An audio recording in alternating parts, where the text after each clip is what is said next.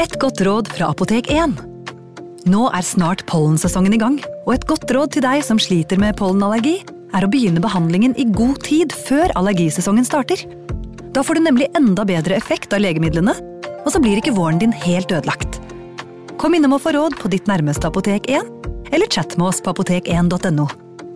Apotek 1 vår kunnskap, din trygghet.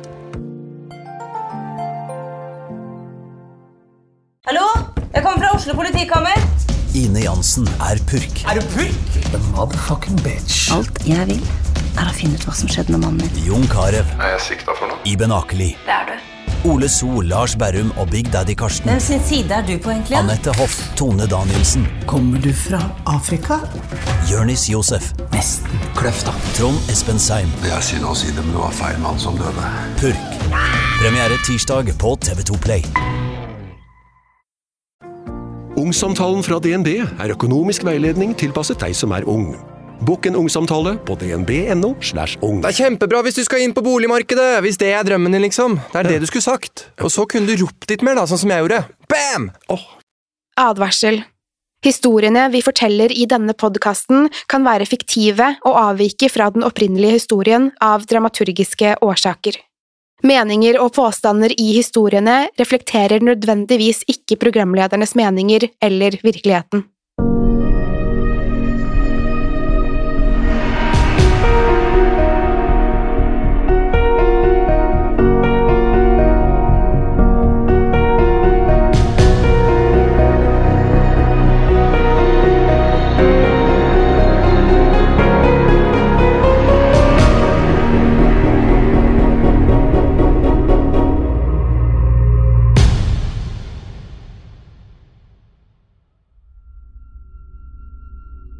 Det begynte midt på natten. Jeg ble vekket av skrikene til min tre år gamle sønn, og da jeg kom inn på rommet hans, var han helt hysterisk. Tårene rant nedover kinnene, og han fortalte at busemannen hadde skremt han. Jeg lot han sove i sengen vår og antok at det bare hadde vært et mareritt.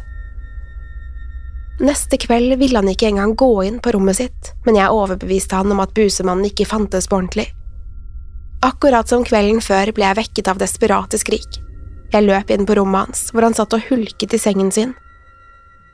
Den tredje kvelden satte jeg et kamera på rommet hans. På den måten kunne jeg bevise at det ikke var et monster der inne. Den kvelden hørte jeg ikke noe skriking. Jeg våknet uthvilt neste morgen, men sønnen min virket helt utslitt.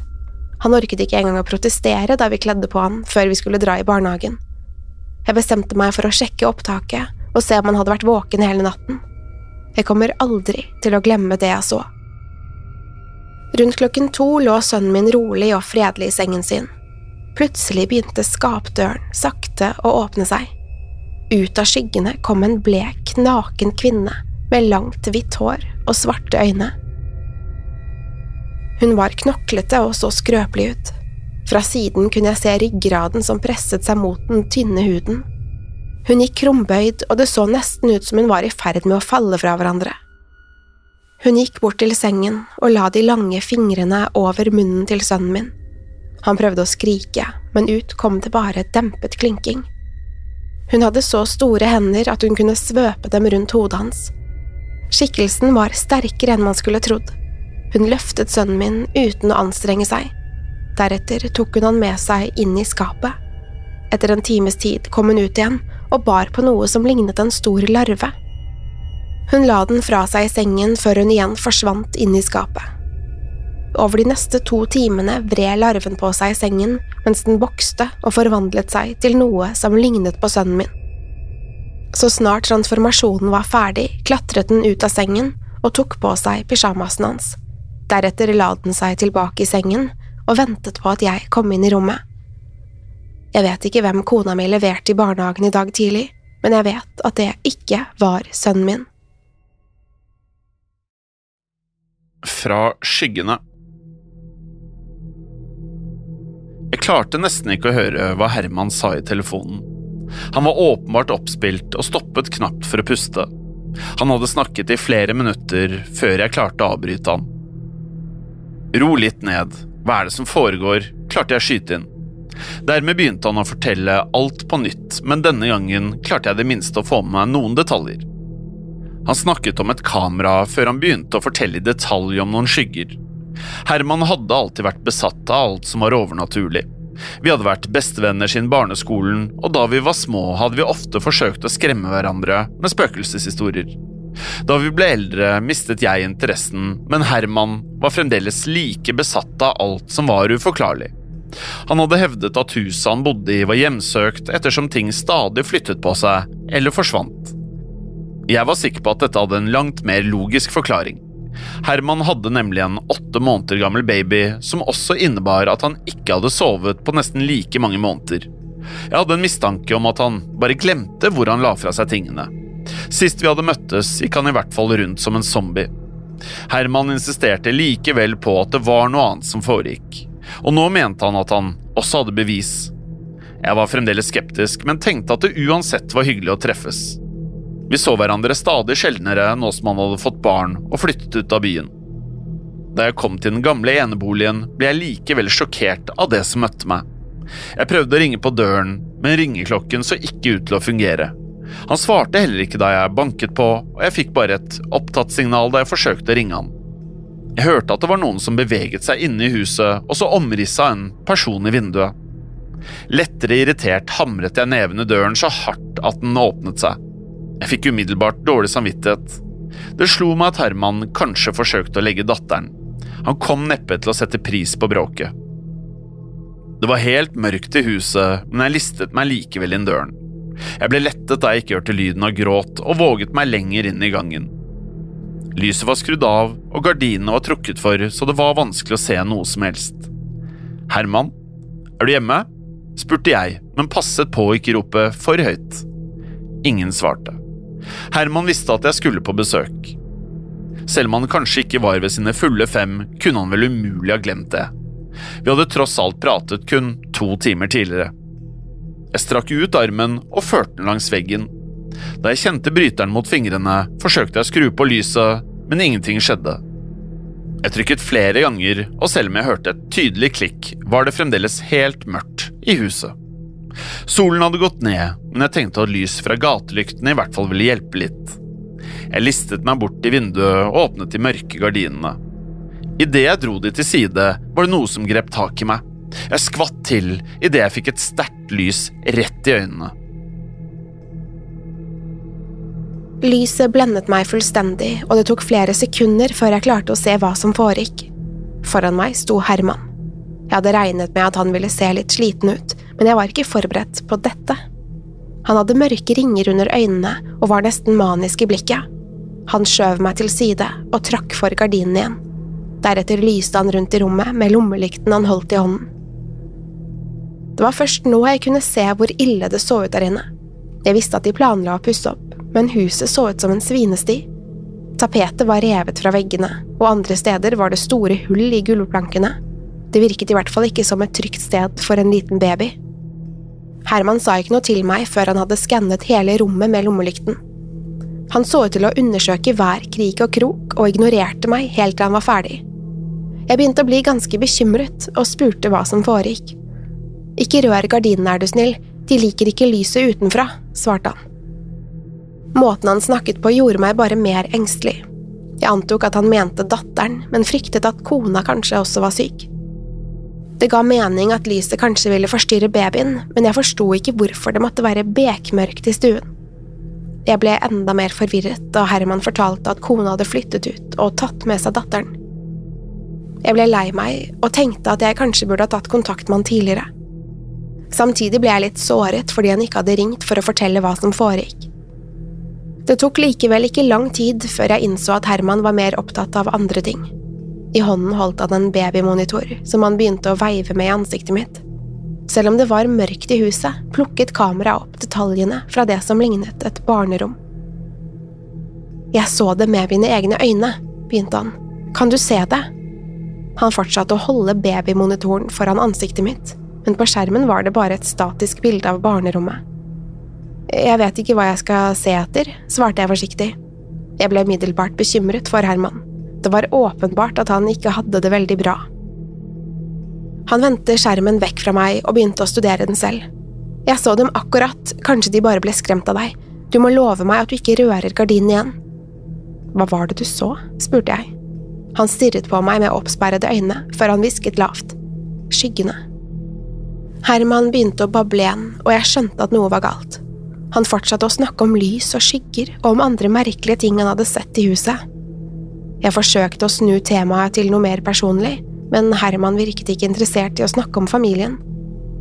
Kom, jeg må vise deg noe, sa han. Herman grep tak i armen min og dro meg med innover i huset. Da jeg så hva som foregikk på kjøkkenet, forsto jeg at Herman trengte hjelp.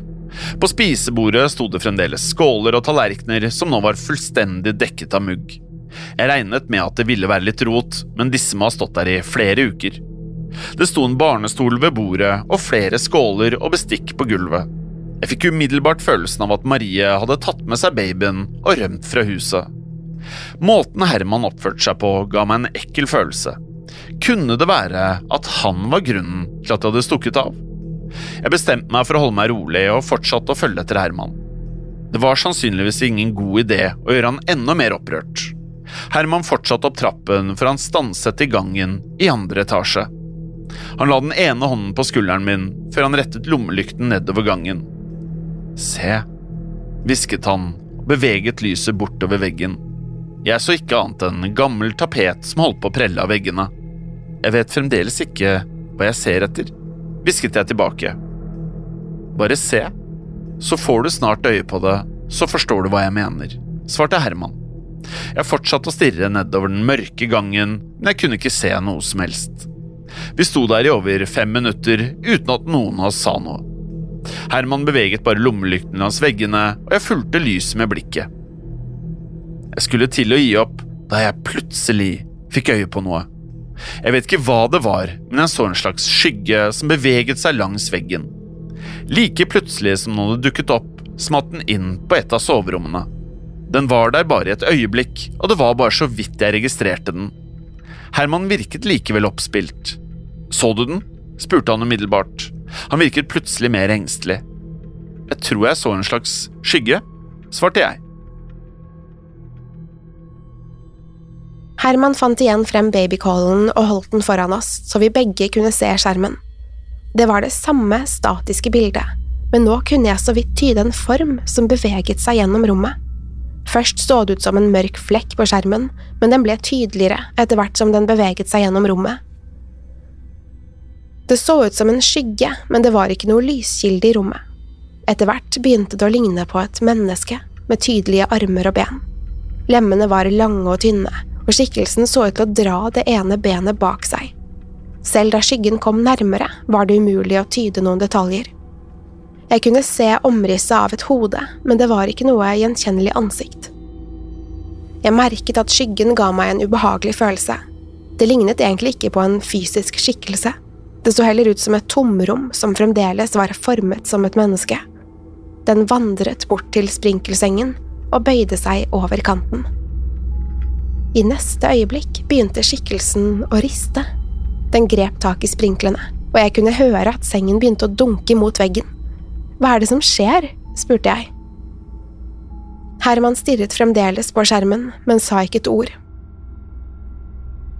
Snart ristet rommet så kraftig at kameraet falt ned på gulvet. Det må ha landet med linsen ned, for plutselig ble skjermen helt svart. I neste øyeblikk hørte jeg en forferdelig lyd. Det var nesten som et forvrengt skrik som ble til et kraftig ekko mens det spratt mot veggene i gangen.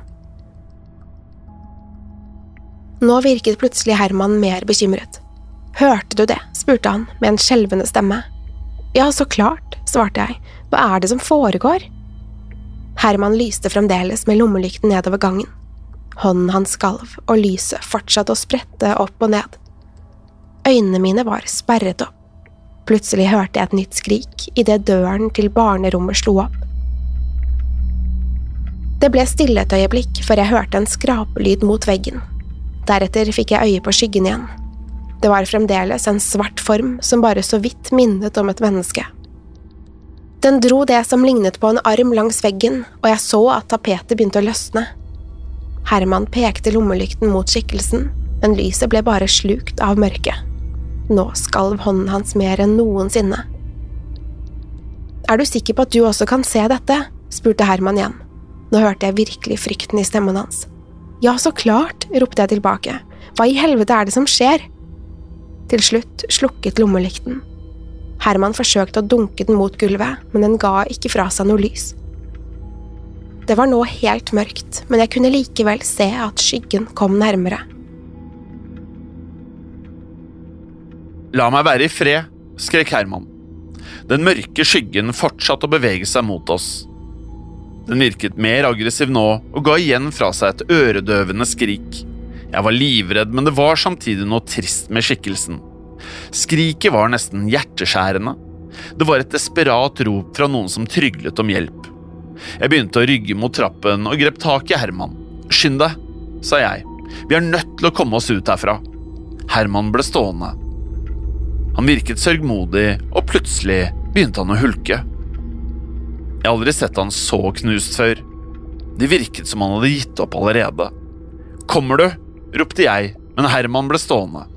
Skyggen hylte mot oss igjen, og nå etterlot den dype klormerker i veggene. Den fortsatte å skrike og så ut til å rette all oppmerksomhet mot Herman. Nei, sa Herman til slutt. Jeg forsøkte å dra han i armen, men jeg skjønte at jeg ikke kom til å overtale han. Bare gå, sa han etter en liten stund. Unnskyld, jeg håper du kan tilgi meg. Jeg forsto ikke hva han snakket om, men forsto at jeg måtte komme meg ut av huset. Jeg fortet meg ned trappen og gjennom det falleferdige huset. Så snart jeg var ute, fant jeg frem mobiltelefonen. Jeg visste ikke helt hvem jeg skulle ringe, for hvis jeg fortalte politiet hva som foregikk, ville de bare le av meg. Kanskje det var bedre å ringe en ambulanse. Hva enn som foregikk der inne, var jeg redd for at Herman kom til å skade seg selv. Jeg bestemte meg for å ringe Marie, men fikk bare et opptatt signal. Etter å ha summet meg litt, ringte jeg etter en ambulanse. Jeg fortalte at Herman var midt i en psykose, men valgte å ikke fortelle noe om skyggene. Det var uansett åpenbart at han trengte hjelp. Jeg hørte fremdeles de hjerteskjærende skrikene og høye smell fra huset. Snart hørte jeg også en annen stemme. Det var dypere skrik som var kommet fra Herman. En del av meg hadde lyst til å løpe inn igjen i huset og se hva som foregikk, men jeg var fremdeles lammet av frykt. Snart hørte jeg lyden av sirener, og like etter kunne jeg se det blå lyset fra ambulansene. Jeg krysset fingrene for at de ikke kom for sent. Jeg veivet desperat med armene så ambulansen skulle se meg. Hjertet hamret fremdeles i brystet mitt. Jeg forsøkte å forstå hva jeg hadde sett der inne. Var det et slags gjenferd? Samtidig tenkte jeg på Herman og fryktet at han fremdeles var i livsfare. Hvorfor kunne han ikke bare bli med meg ut av huset? Da ambulansepersonalet entret huset, var det igjen helt stille. De forsøkte å skru på lyset, men strømmen så ut til å ha gått. Etter noen minutter kom en av dem stormende ut døren. Han løp ut på gressplenen og kastet opp. Jeg fant en lommelykt i ambulansen og løp inn døren og videre opp trappen. Der fant jeg Herman på gulvet. Han lå der livløs og holdt fremdeles lommelykten i hånden. Det var først da jeg så ansiktet hans jeg forsto at noe var forferdelig galt. Han lignet nesten på en mumie. Huden hans var skrukkete og så ut til å ha tørket ut, og øynene hadde forsvunnet fra hodeskallen. Munnen var vidåpen, og kjeven så ut til å være ute av ledd. Jeg forsto ikke hva som foregikk. Jeg hadde jo snakket med han for bare noen minutter siden, nå så det ut som han hadde vært død i flere uker. Snart forsto jeg likevel at det ikke var dette som hadde fått ambulansearbeideren til å storme ut av huset. I kjelleren skjulte det seg nemlig noe enda mer grotesk. Jeg skal spare dere for detaljene, men han beskrev det som noe av det verste han noensinne hadde sett. Det var de livløse kroppene til Marie og datteren deres. Ambulansearbeideren mente at de hadde vært døde i flere uker. Jeg hadde en mistanke om hva som hadde skjedd, men jeg forsøkte å overbevise meg selv om at Herman aldri ville skadet familien sin. Det var riktignok ingen annen logisk forklaring. Jeg prøvde å glemme den grusomme skyggen, men hver gang jeg lukket øynene, så jeg et mørkt tomrom som stadig kom nærmere. Jeg visste ikke om det var bedre å sove med lysene av eller på. Sannsynligvis kom jeg ikke til å klare å sove uansett. Jeg bestemte meg for å sette på TV-en og håpet at det var nok til å distrahere meg. Sakte, men sikkert slo det meg at bestevennen min var død, og at jeg aldri kom til å se han igjen. tårene begynte å renne nedover kinnene mine. Det var helt mørkt da jeg våknet på sofaen. TV-en hadde skrudd seg av, og taklampen hadde slukket. Jeg stirret inn i det mørke rommet og fikk snart øye på en vag form i det ene hjørnet. Før jeg visste ordet av det, begynte formen å bevege seg. Først lignet det bare på en svart flekk, men snart kunne jeg se omrisset av armer og ben. Skyggen beveget seg rett mot meg. Kroppen min var fullstendig lammet. Jeg ville skrike, men jeg visste at det var meningsløst.